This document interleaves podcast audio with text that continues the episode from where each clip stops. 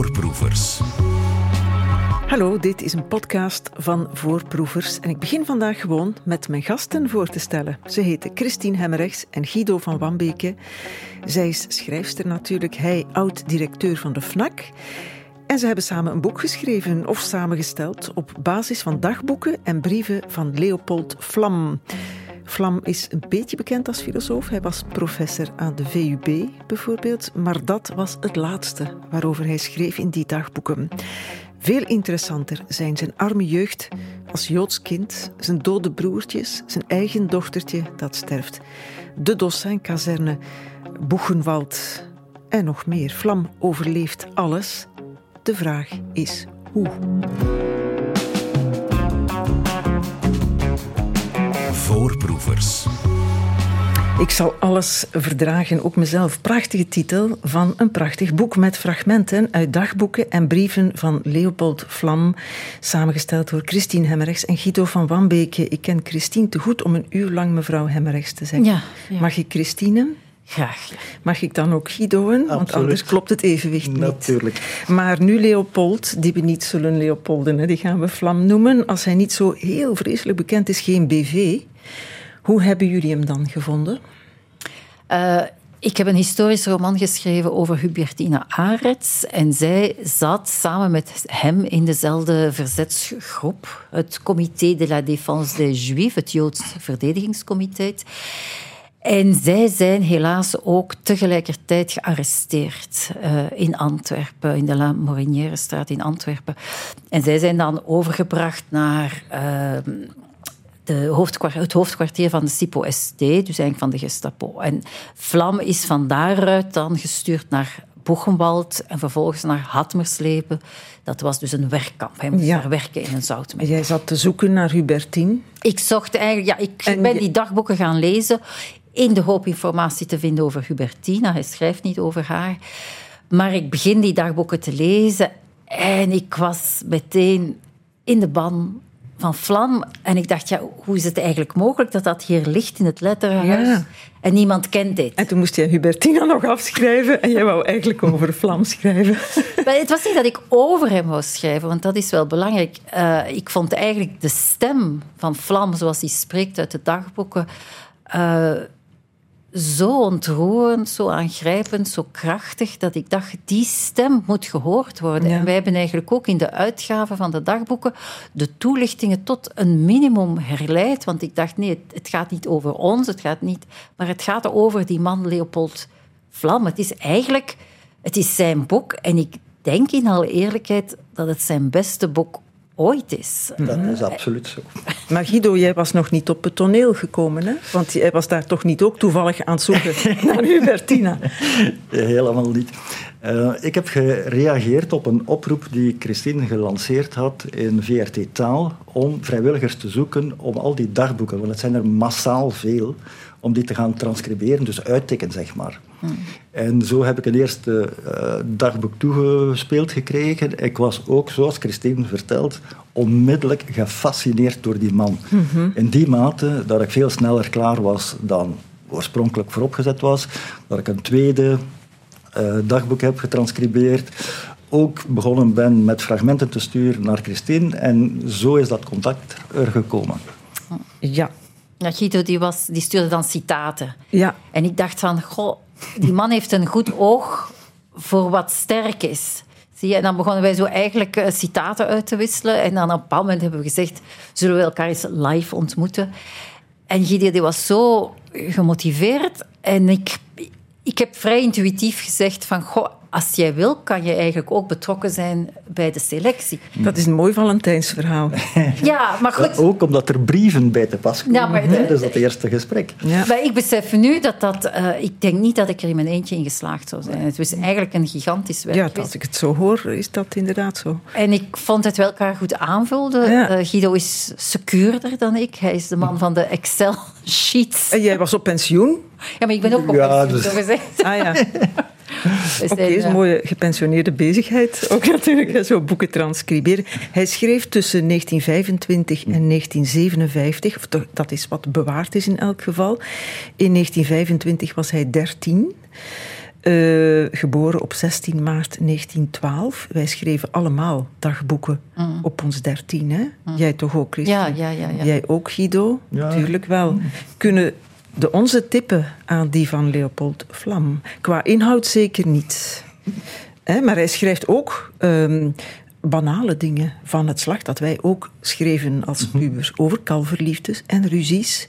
Ik ga een klein stukje van het begin van zijn dagboek laten horen, hoe jullie beginnen in het boek. Vlam is dan 13 jaar. Zondag 27 december 1925. Ik had ruzie met mijn vader. Ik ben een geschenk aankopen voor mijn meester. Ik wilde ook naar de cinema gaan, maar ik ging niet. Om drie uur heb ik met Anna Lipschitz en nog enige van haar vriendinnen over zaken en plezieren en schoolgebeurtenissen gesproken. Ik heb Anna Lipschitz lief. Ik heb haar een paar dagen geleden een heel schoon boek geleend. Ik geloof dat zij mij ook bemint, maar ik weet het nog niet zeker. Als je dit begint te lezen, van zijn dagboeken, is het goed dat je al weet dat die man in het Joods verzet heeft gezeten, anders leg je dat toch weg. Ah, nee, ik niet. Ah. Die zin, ik heb Anna Lipschitz lief, ik weet niet waarom. Christine, dan kun je mijn dagboeken ook publiceren. Ja, Annemie, misschien. Je moet ze mij maar bezorgen. Nee, maar ook... Uh, eigenlijk zit heel de tragiek van zijn leven zit in die eerste, uh, dat eerste dagboek entry, zo zeg je in het Engels.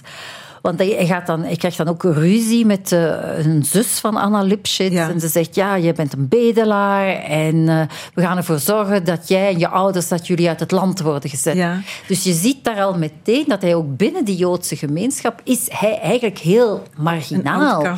Ja, en je zegt nu, wat ik als volgende opmerking had genoteerd, echt waar, het fragment dat we net hoorden, heeft al veel, zo niet alles, ja in zich. Hij schrijft behoorlijk. Hij is dertien en verliefd en het zal de laatste keer zijn. hij heeft ruzie, deze keer met zijn pa, maar het zal ook de laatste keer niet zijn. Hij maakt ruzie met eender wie.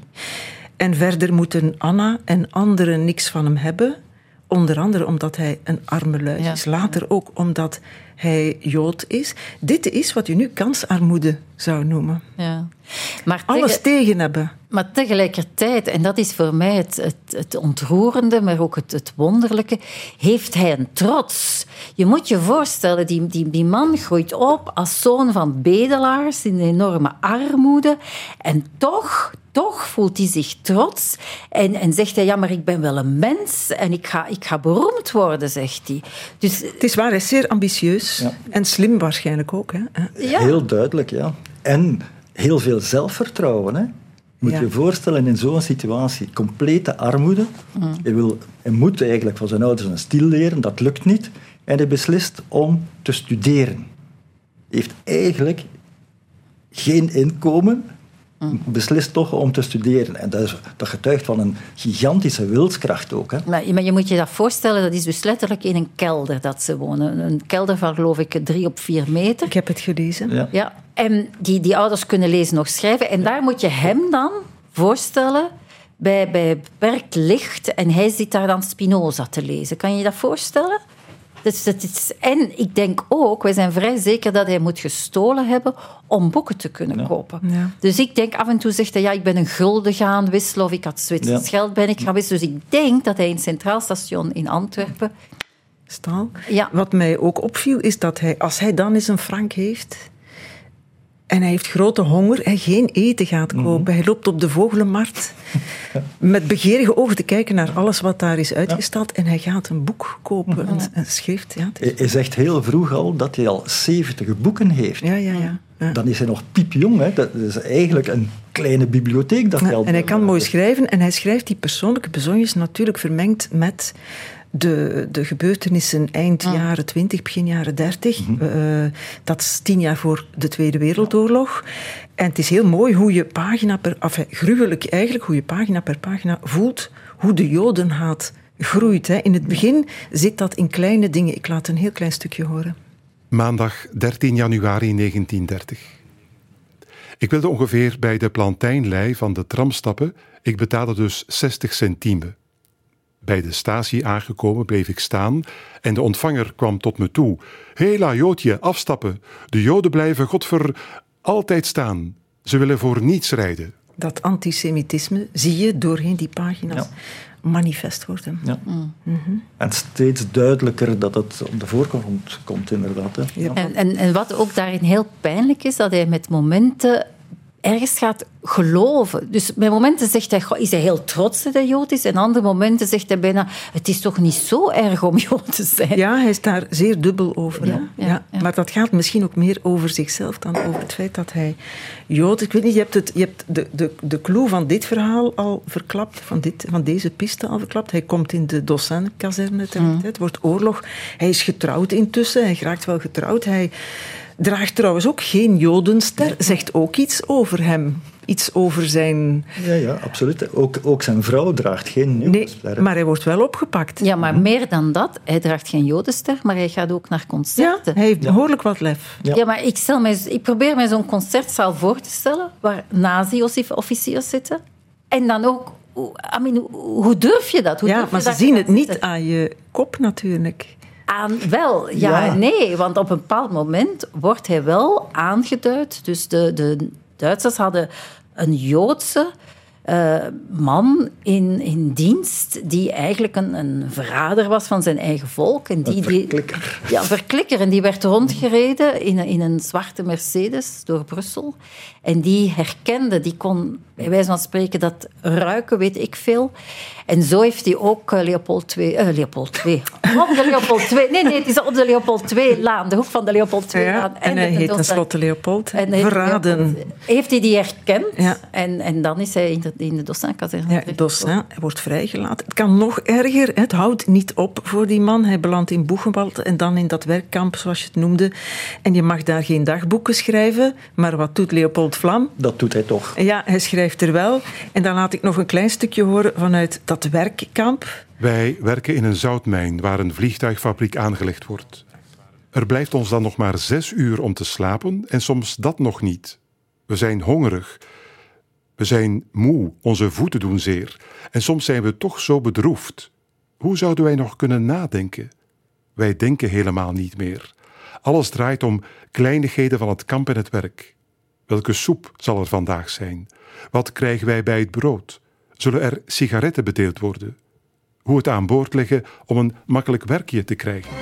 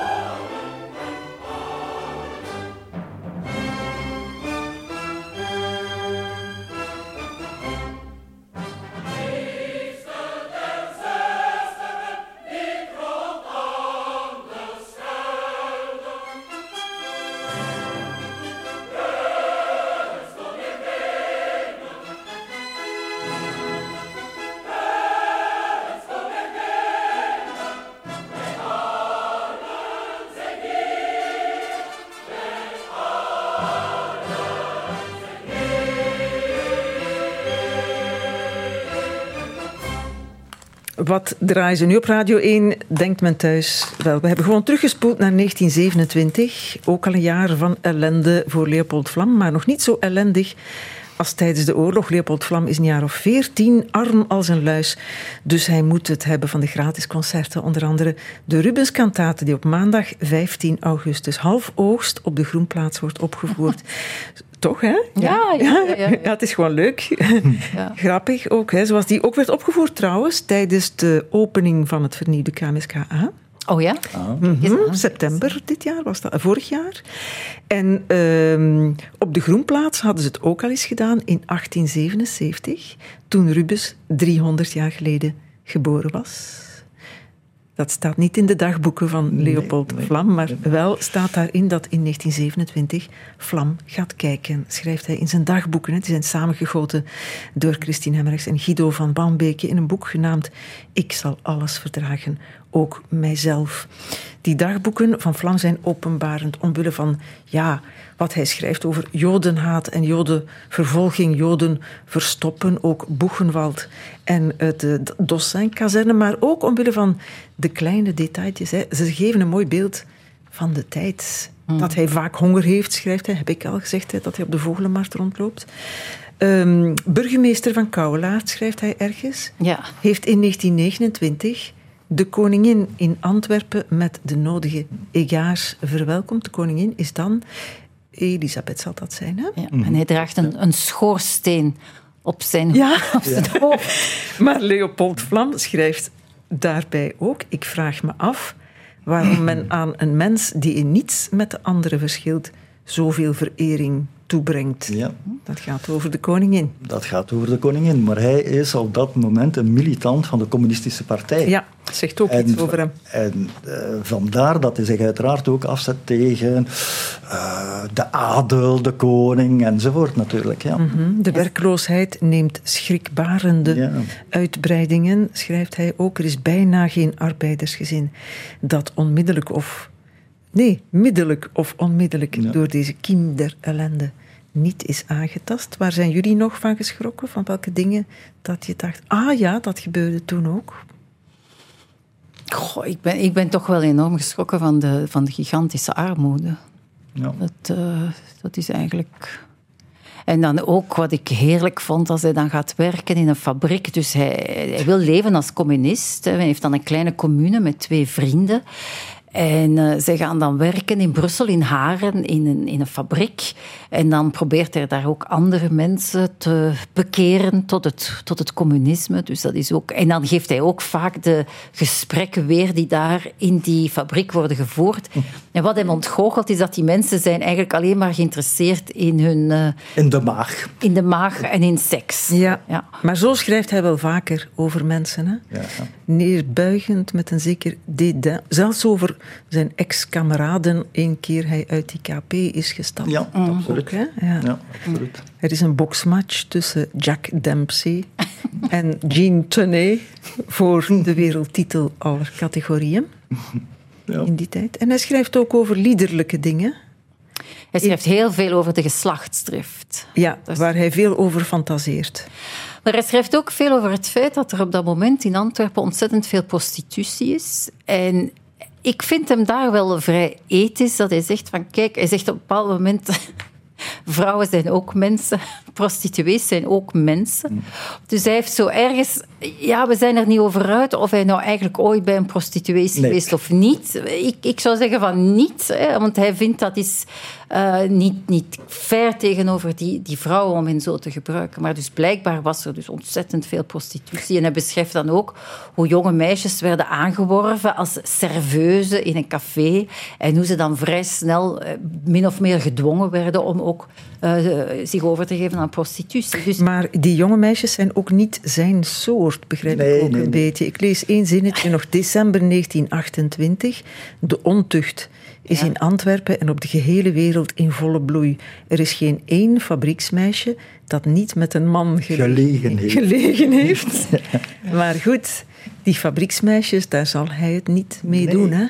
En ook niet bij eh, de meisjes in de communistische partij. Ook niet. Want hij beschrijft heel mooi eh, in een brief die hij schrijft aan Julia, zijn vrouw, zijn latere vrouw, dat hij naar zo'n vergadering is geweest waar dat die eh, babbelwijven, dat zijn dan die communistische uh, companen, zeg maar, uh, die noemt hij babbelwijven. Hè, en zijn hoofd draait van het lawaai, et cetera, et cetera. Daar kijkt hij ook eigenlijk op neer. Ja. Mm. Maar hij kijkt ook neer op zijn Julia. He, maar niet, niet, niet, in het met begin, hè? Niet met niet, nou, nee, anders, Absoluut anders trouw je niet. Nee, nee, maar het, het, is wel... Ik denk dat je om, om hem te begrijpen moet je zien dat hij een, ergens een afkeer had van de fysieke liefde. Dus er is een, een, passage waarin hij schrijft dat hij gezien heeft hoe zijn moeder werd verkracht. En dat hij ook gezien heeft dat de fallus van zijn vader binnendrong in zijn moeder.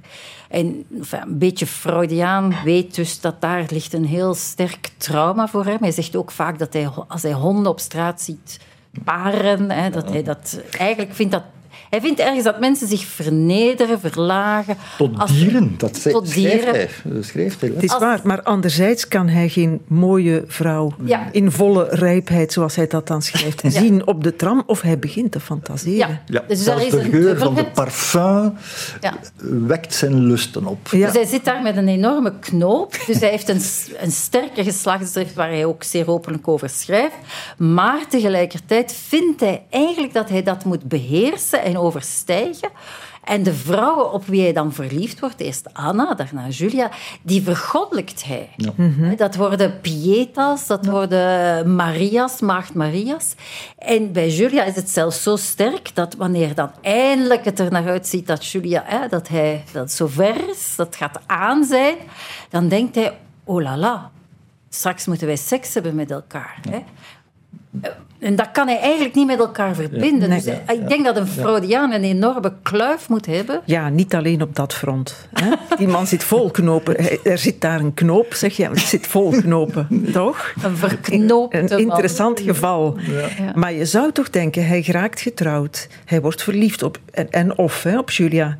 Je zou denken, daar gaat toch een poort ja. of een deurtje naar het geluk open. Maar Leopold is niet voor het geluk geboren. Dat is, dat is tragisch. Hè. Dus voor mij is ook een hele grote tragedie. Hij was heel close met de broer van Julia Herman Isbutski. En uh, dat, dat, uh, ja, dat, dat, die vriendschap verwatert, breekt af. Verwateren nee, eigenlijk is te soft uitgedrukt. Nee, er is een gigantische clash tussen Herman en Vlam. En wat Omwille van een vrouw. Wat is de oorzaak van die clash? Dat is inderdaad een vrouw. Want Herman, communist, die in die mini-commune zit samen met Vlam, die heeft nogal succes bij de vrouwen. En die ontmoet... Celina. Celina. En Herman moet kiezen, vindt Vlam. En wat doet Herman? Die kiest natuurlijk voor Celina. Groot drama voor Vlam. Want zijn, dat is, voor hem is dat verraad. Hè? Hmm. Maar ik denk dat dat toch wel een, een grote tragedie is. Want die waren toch wel heel, heel, heel close. Zelfs homoerotische scènes. Hè, wanneer, want die delen het, het bed met elkaar. Misschien is dat de clue. Nee, dat, denk ik niet finaal. Nee. nee. dat denken wij niet. Ik, ik, dacht op een bepaald moment, ja, dit is latente homoseksualiteit mm uiteindelijk.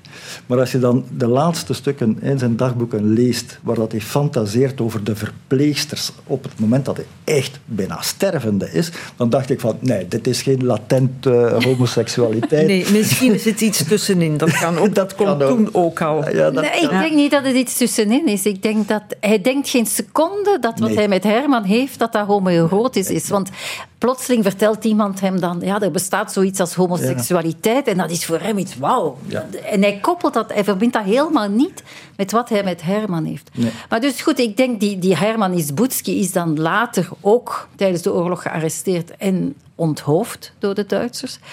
Uh, maar ik denk dat het verlies van die vriend dat dat een grote tragedie is. En dan eigenlijk, ja, uh, de ontgoocheling bijna meteen. Hè, van, van wanneer het dan aan is, met Julia, van zodra dat, dat aan is, wordt dat bijna heel snel wordt dat een ontgoocheling. Ja, wordt dat een andere vrouw voor hem, dat schrijft hij ook ergens. Wat mij opviel is hoe diep de haat zit, want zelfs als hij in Dossin zit... Uh, schrijven ze brieven naar elkaar, dan kan hij het sneren niet laten uh, aan zijn Julia. Hij verwijt haar spelfouten. Je moet niet zo kijken, Mhm. Christine. Terwijl ze een voorbeeld moet zijn voor onze Plato, dat is zijn intussen geboren terwijl hij gevangen zit. Ja, maar daar zijn ze toch nog tamelijk lief voor elkaar. Ja, hè, in die docentperiode, het je ziet wat er volgt. op het moment dat hij vanuit Dossin naar Julia schrijft, zou het eigenlijk beter een beetje kinderpsychologie gaan lezen. Of misschien eh, Descartes misschien. Dan denk ik ook, maar dit is gewoon onmogelijk. Die loopt zich de, het vuur uit de sloffen om hem vrij te krijgen. En ze krijgt een les van hem van... Je komt te veel buiten en eh, zou beter een beetje meer studeren. Ja, maar Guido, hij, hij zegt je komt te veel buiten. Hij is bang dat ze ook zal worden opgepakt. Ah ja, want hij zegt het is nog altijd heet in Brussel. Ja, ja, zegt hij. Ah, ja, een andere dus- brief, klopt, klopt, Hij, klopt. hij zegt daar eigenlijk, je zou moeten thuisblijven en studeren, want jij loopt heel de tijd rond en je kan dus worden erkend als Joodse. En ik wil, hij zegt daar, ik wil jou en Plato, zijn zoon heet Plato, Mhm. ehm, ik wil jullie hier niet in de Dossin-kazerne zien. Dus dat is toch wel lief dat hij niet wil dat nu hij ook gearresteerd die vervelende Leopold Vlam aan het verdedigen. Ja. Ten voordele van zijn vrouw. Jij bent het ermee eens, hè, Ah, Guido? totaal. Ja. Dat is een van onze grote discussiepunten Ah, geweest bij de selectie, inderdaad. Jullie zijn niet altijd overeengekomen. Wij, zijn het, wij hebben eindeloos gekibbeld, waarbij Guido altijd de kaart Julia trok. Maar ik denk eigenlijk dat Guido verliefd is op Julia. En ik... Ja, nee, ik... ik op een of andere manier... Want ik, ik weet wel dat, dat eh, Leopold Vlam vast geen makkelijke man was. En toch... Ik, ik ben van die man echt gaan houden. Ja, dat had ik je ook willen vragen. Maar, maar- En ik zie heel goed waar het allemaal vandaan komt. Ik denk van, in godsnaam, wat, wat die man... En vandaag zeg je, die man heeft een grote rugzak, zou je zeggen. En dat je ondanks, ondanks dat gewicht van die rugzak, dat je desondanks toch blijft de moed bewaren. Dat je blijft geloven in de mensheid. En vooral dat je blijft geloven, ik heb een missie. Ik moet mensen gaan opvoeden. Ik mag niet de moed laten zakken. Het had zo anders kunnen lopen met ja, je En- kiest een kant die, die te kiezen is, maar je kan ook de andere Ja. kant kiezen. Als je dit boek leest en een rugzak hoeft geen excuus te zijn voor boertig gedrag tegenover je vrouw. Je kunt het zelfs nog sterker formuleren. Doe eens. Op een bepaald moment wordt er, krijgt ze slaag. Ja, ja, hij slaat er. Hè? En dat is eigenlijk ook een heel pijnlijk element. Hè? Je ziet, als hij heel jong is, zijn ouders die vechten, zijn moeder die slaag krijgt. En hij neemt zich dan voor, dit zal nooit met mij gebeuren. Dat schrijft En hij letterlijk. Dat schrijft, schrijft hij letterlijk. En Julia, in hun verlovingsfase zal ik het noemen, die zegt op een bepaald moment: Jij zijt zo iemand, ik weet dat je mij ook zult slaan. Zegt ze. En dan later zie je effectief dat het gebeurt. Dat is schrijnend en pijnlijk. Maar dat is verschrikkelijk. Maar ik zeg ook altijd tegen Guido, van, je moet ook al het goede zien dat hij heeft gedaan. Want voor mij in 1937 komt Julia terecht in een psychiatrische inrichting. Ze heeft twee zelfmoordpogingen ondernomen en ze komt daar terecht. En voor mij, een groottante van mij is ook in 1937 opgenomen in psychiatrie. Die is daar nooit uitgeraakt. Dus in die tijd, als je werd opgenomen in psychiatrie, in een gesticht, dat was eigenlijk voor de rest van je leven. Leopold Vlam heeft hemel en aarde bewogen om haar daaruit te krijgen. Eigenlijk, als hij haar wilde kwijt zijn, was het moment. Daarna in 1947 herhaalt het zich. Opnieuw komt zij terecht in een psychiatrische inrichting. Opnieuw doet hij alles om haar daaruit te krijgen. Je merkt ook in de brieven die hij haar schrijft dat hij eigenlijk wel goed voor haar zorgt. Uh, dat, zij gaat heel vaak op vakantie. Hij stuurt haar altijd geld. Uh, dus het, het is niet zo... Je kan natuurlijk zeggen, het is onvergeeflijk dat hij haar slaat. Ja? Maar tegelijkertijd, naar mijn gevoel, zijn dat twee mensen die, die niet met elkaar konden en ook niet zonder elkaar. Juist. Het is een vechthuwelijk. En Kan je in echt zijn, zo zeggen. op zijn sterfbed, in zijn dagboeken, zijn allerlaatste schriftje, hij kan bijna niet meer schrijven. Het is een heel bibberig handschrift. Hij heeft Parkinson. Hij schrijft 27 keer de naam Julia Isbutski. Julia Isbutski. En ik denk dat zij voor hem, zij stond voor een, een, een beter leven. Zij was eigenlijk van een, een hogere stand. Zij was eigenlijk van een meer bourgeois familie. Rijkere mensen die in een mooi herenhuis woonden. Moet je dat voorstellen? Hij woont in die kelder. En zij woont in een heerhuis met een balkonnetje. Ja? Dus zij, zij was eigenlijk bijna een trofee. En blijkbaar liep half Antwerpen achter haar aan. Ja? En toch heeft zij gekozen voor de bedelaarszoon tegen haar ouders in ook. Maar ik zie dat ik jou niet ga overtuigen. Nee, nu verdedig je haar. Het is een wervend gesprek om dat boek te gaan lezen. En om, en, als, je, als je weet, zonder Leopold Vlam te willen afvallen, uiteraard. Maar als je weet dat de ouders van Julia in 1942 gedeporteerd worden, naar Auschwitz gaan, daar vermoord worden, dat ze een broer heeft die in het verzet is gegaan, opgepakt is, een jaar Breendonk heeft doorgemaakt. Dat is de hel. Hè. Vanuit Breendonk gedeporteerd wordt naar een gevangenis in Berlijn, daar onthoofd wordt. Dat Julia bovendien een broer heeft, een schoonzus heeft, een kind heeft, die een kind hebben samen bedoel ik, die ook gedeporteerd zijn. Als je dat optelt wat iemand meemaakt, dan, ja, dan heb ik bijzonder veel empathie voor iemand die daarmee leeft. Ja. En wie bedoel je dan, Julia of Leopold? Ja, de, de twee, maar ik bedoel, uh, Julia heeft ook een rugzak. Tuurlijk. Bedoel ik. Een gigantische rugzak. En daarin hebben ze elkaar misschien ook gevonden. Maar er was ook heel veel competitie tussen hen. Ja. En, en, dat is ook Ja. een element, want Julia, als zij haar leert kennen, wil ze eigenlijk zangeres worden, operazangeres. Dat, dat gebeurt niet. Uh, vervolgens gaat zij gedichten schrijven en vervolgens gaat zij ook schilder, schilderen. En ik kan je zeggen, Annemie, ik heb die, een aantal van die schilderijen gezien, dat waren geen meesterwerken. Nee, maar hij, is, hij staat ook op hetzelfde niveau wat dat betreft, want hij wil, hij wil uitgeven. Hij, wil, hij schrijft romans, hij wil boeken uitgeven en het lukt niet. Hij probeert als twintiger, ik denk drie, hij stuurt Ja, ja. romans op naar de uitgever. Eh, ik heb een fragmentje laten inlezen door Jan van Langendonk. Eh, op het moment dat hij nog maar eens geprobeerd heeft een roman De Mens, nee, Mensen, Mensen. genaamd, naar uitgever De Bok van de Sikkel te sturen. De Bok zal eh, lezen en dan een antwoord sturen. Stuurt geen antwoord. Leopold Vlam gaat naar hem toe, zegt waar blijft jouw antwoord? Ja, ik, ik moet nog lezen, ik heb geen tijd gehad. En eh, even later komt er dan wel een antwoord. Het is negatief. En dan schrijft Leopold Vlam dit. Wat mij vooral pijn doet, is te beseffen dat er zoveel nietswaardigs en belachelijks gedrukt wordt, Signor Timmermans met zijn pijp onder andere, en dat wanneer een jonge schrijver zijn geen slechte eersteling aanbiedt, men het met een commercieel en beleefd briefje terugzendt als onvoldoende. In Vlaanderen vindt men een bende geleerde apen die schoon kunnen schrijven en die daarom denken dat ze reeds schrijvers zijn, wanneer ze een schoongebouwde zin of een liefelijk klinkend woord kunnen vormen. Het zijn allemaal ventjes die goed zijn om in een geschiedenis der Nederlandse letteren te figureren, maar meer niet. Dostojevski had geen schone stijl. Kenners beweren zelfs dat hij slordig schreef, maar hij had een ziel. Hij had iets te verkondigen, wat geen van die streuveltjes of timmermanskes en buisentjes, of hoe ze verder ook mogen heten, had of heeft. Dat had ik niet mogen kiezen, hè, Christine? Oh, jawel. Oh jawel, Ah, jawel. Ik vind dat heerlijk. Hoe dat Het past niet in jouw verdediging van de Ja, man. maar dit zijn de fragmenten waar we hardop hebben zitten lachen. Ja, ja. Ah, er is ook een, brief aan Angèle Manteau. Ja, die, is ook die. Hij, fantastisch is. hij blijft proberen en later Ja. in 57 schrijft hij ook in zijn dagboeken: Ik ben een onbekende onder de mensen, hoeveel ik ook mogen publiceren. Dus dat duidt toch wel op een zekere frustratie. Het is heel pijnlijk, schrijft hij, vooral als ik eraan denk dat ik heel zeker zoveel waard ben als een Marcel Kolen of een Hugo Claus. Ja. Hij zegt ergens over Hugo Claus, die heel veel zegt. Eh, Ik- ik- ik hij heeft het niks goed- te zeggen, maar hij kan het goed zeggen, Ja, zoiets. voilà. hè. Een zekere hoogmoed is hem niet vreemd, maar dat zegden we al. hè. Ergens op jonge leeftijd heb ik dat ook opgetekend, of opgeschreven, genoteerd om hiervoor te lezen. In 27, hij is dan 15. Dan schrijft hij: Waarom haat men de Joden? Men haat hen omdat ze verstandiger en groter zijn dan alle andere volkeren.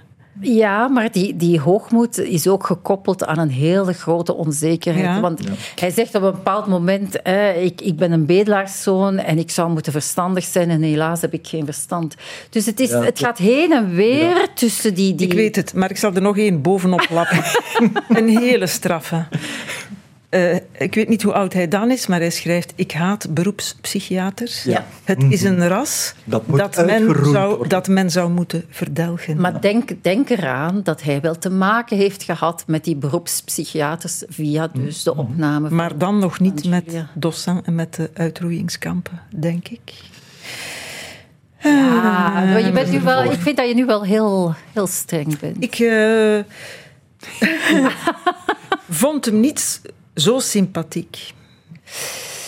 Maar dat maakt eigenlijk niet uit. Ik vind hem interessant. Ik, ik vind, ja, sympathiek. Moet een mens sympathiek zijn? Ja. Het is een, een- dat weet ik niet. Een mens moet vriendelijk zijn, beleefd, respectvol. Misschien wel, maar het is ook een dagboek. Hè. Gu- Guido, Wat? Ja, de, ik, jij ik, vind niet dat ik ik, vind, ik vind die man niet sympathiek. Nee. Ik vind dat een fascinerend iemand. Ja. Dat is niet hetzelfde. Maar fascinerend is wel boeiend natuurlijk. Hè? Het is ook een dooreerlijke iemand. En, en dat is eigenlijk mijn punt. Je hebt heel veel mensen die misschien heel sympathiek lijken, maar wat zit er daarachter? En in een dagboek kom je precies te weten wat er achter zit, wat echt in een mens omgaat. En, en eigenlijk, ik zelf vind dat veel interessanter dan, dan, dan de façade. Want hij zegt zelf ook wel dat hij vaak een façade optrekt. Hè? En dat je eigenlijk in zijn dagboeken, dat is de enige plek en wat hij ook ergens zegt, dat hij hoopt dat er een vrouw zal komen na zijn dood. Hè? Dat citaat. Die zijn dagboeken zal Ah, ja. Dat is iets heel Ik- bizar. Dat hebben we niet Ik opgenomen. hoop, ik hoop dat deze dagboeken in de handen terechtkomen van een dame met fijne trekken, zoals de heilige Anna van Da Vinci. Is toch mooi, hè? En dat zij, die zal dus zorgen Ja. dat die... Dat is dus ook gebeurd. Ja. Dat is toch ongelooflijk. En zeg dat- niet in- de fijne In datzelfde fragment zegt hij ook: Ik weet dat ik voor, mijn, mijn, eh, voor later postuum schrijf. Ja. Zegt hij. Dat, dat beseft hij ook. Hè? Hij zegt, mijn naam is Postumus. En ik Ja. vind dat eigenlijk wel mooi. Ik, ik geloof met de hand op mijn hart dat, dat dit het beste is wat hij geschreven heeft, dit dagboek. En het is, ik ervaar het echt wel als een postuum cadeau aan hem. En je, de, je merkt ook, want we zijn ook begonnen met een aantal citaten waarin hij duidelijk zegt, kijk, die dagboeken zijn mijn testament. Ja. En hij zegt ook, ik hoop dat op een dag iemand ze zal lezen en van mij zal houden. Dus dat is echt wel een rechtvaardiging voor het publiceren van wat toch vaak zeer intieme eh, teksten zijn. Het is waar, maar hij hoopt ze te publiceren zoals hij hoopte om zijn romans ook gepubliceerd Ja. te krijgen natuurlijk. hè. Een zeker talent voor slachtofferschap heeft hij ook wel. De anderen hebben het altijd gedaan. Hè. Ik mag niks meer kwaad van hem zeggen, want Christine wordt boos. Ja, maar ik, ik, sta dan een beetje, ik ben een beetje versteld, want ik denk van die man is ook wel een slachtoffer Het is waar. geweest. Wat zou hem het meest gemaakt hebben tot wat hij is? Boegenwald, de ellendige Zeker jeugd. Ellendige Het dochtertje dat hij verloor, waar we het nog niet over gehad hebben en waar we het niet meer over kunnen hebben. De broertjes die hij verloor, hè, was een vierde kind, maar de drie vorige waren gestorven. Of valt daar geen, geen rangorde in te maken? Jawel, jawel, absoluut wel. Er wordt vaak gezegd en gedacht en geschreven dat zijn ervaring in Boegwald de determinerende factor is geweest in zijn later leven. En hij ontkent dat zelf, schrijft zelf van, als je denkt dat de oorlog voor mij zo traumatiserend was, dat is helemaal niet waar. De dood van die kinderen als hij in Polen was, eh, zijn broertjes die in zijn armen gestorven zijn, dat is een bepalende factor geweest. Zijn moeder die verkracht is eh, geworden, waar dat hij getuige van geweest is, dat is een bepalende factor geweest. En Boegeweld is voor hem de bevestiging geweest van wat hij altijd dacht, van hier klopt het eigenlijk. Mijn, mijn visie op de wereld, wel, hier klopt het. Ja, en deze ellende is voor mij bedoeld, Ja. bijna. Denk jij dat ook? Is, is gezegd eh, op een bepaald moment, dit is, ik doe hier boete. Ja. Eh, dus met andere woorden, dat klopt, eh, da- daar is het oké. Ja. Maar hij is ook hij is erg gefascineerd door, door, door de figuur van de gekruisigde Jezus. En hij zegt dus dat Jezus vrezen is in hem met het kruis. Dus eigenlijk er is een identificatie met die, die Jezus die dat kruis zit te slepen naar, naar Golgotha. Hè. Dus hij zegt vaak, het, het leven is eigenlijk lijden, is het kruis dragen. En desondanks, desondanks blijft hij toch moed houden en hopen. En dus als hij in dat kamp is, dan zegt hij van kijk, nu is men tenminste eerlijk. Men doet niet meer alsof. Hier is het leven lijden en het, en het klopt. En hij schrijft eigenlijk prachtige passages daar. Hij zegt dan ook, alles sprak van God. Dan denk ik van, hè? En die andere mensen in het kamp zeggen, maar, maar man, jij bent zot. Die, hij zegt dan, kijk, ik heb een schone zonsondergang. Hij zegt, jij nu op je kop gevallen, man? Je zit hier in een kamp en jij zit te zeggen van een schone zonsondergang. Ja, hij is een tragisch figuur. Hè? Zo kunnen we hem wel noemen, maar hij heeft een mooi... Nee, hij heeft mooie dagboeken geschreven en jullie hebben er een mooi boek van gemaakt. Uh, ik zal alles verdragen. Ook mijzelf, dagboeken en brieven van Leopold Vlam. Dankjewel, Christine Hemmerichs, Guido van Wambeke. Ook is uitgegeven bij De Geus. Voorproevers.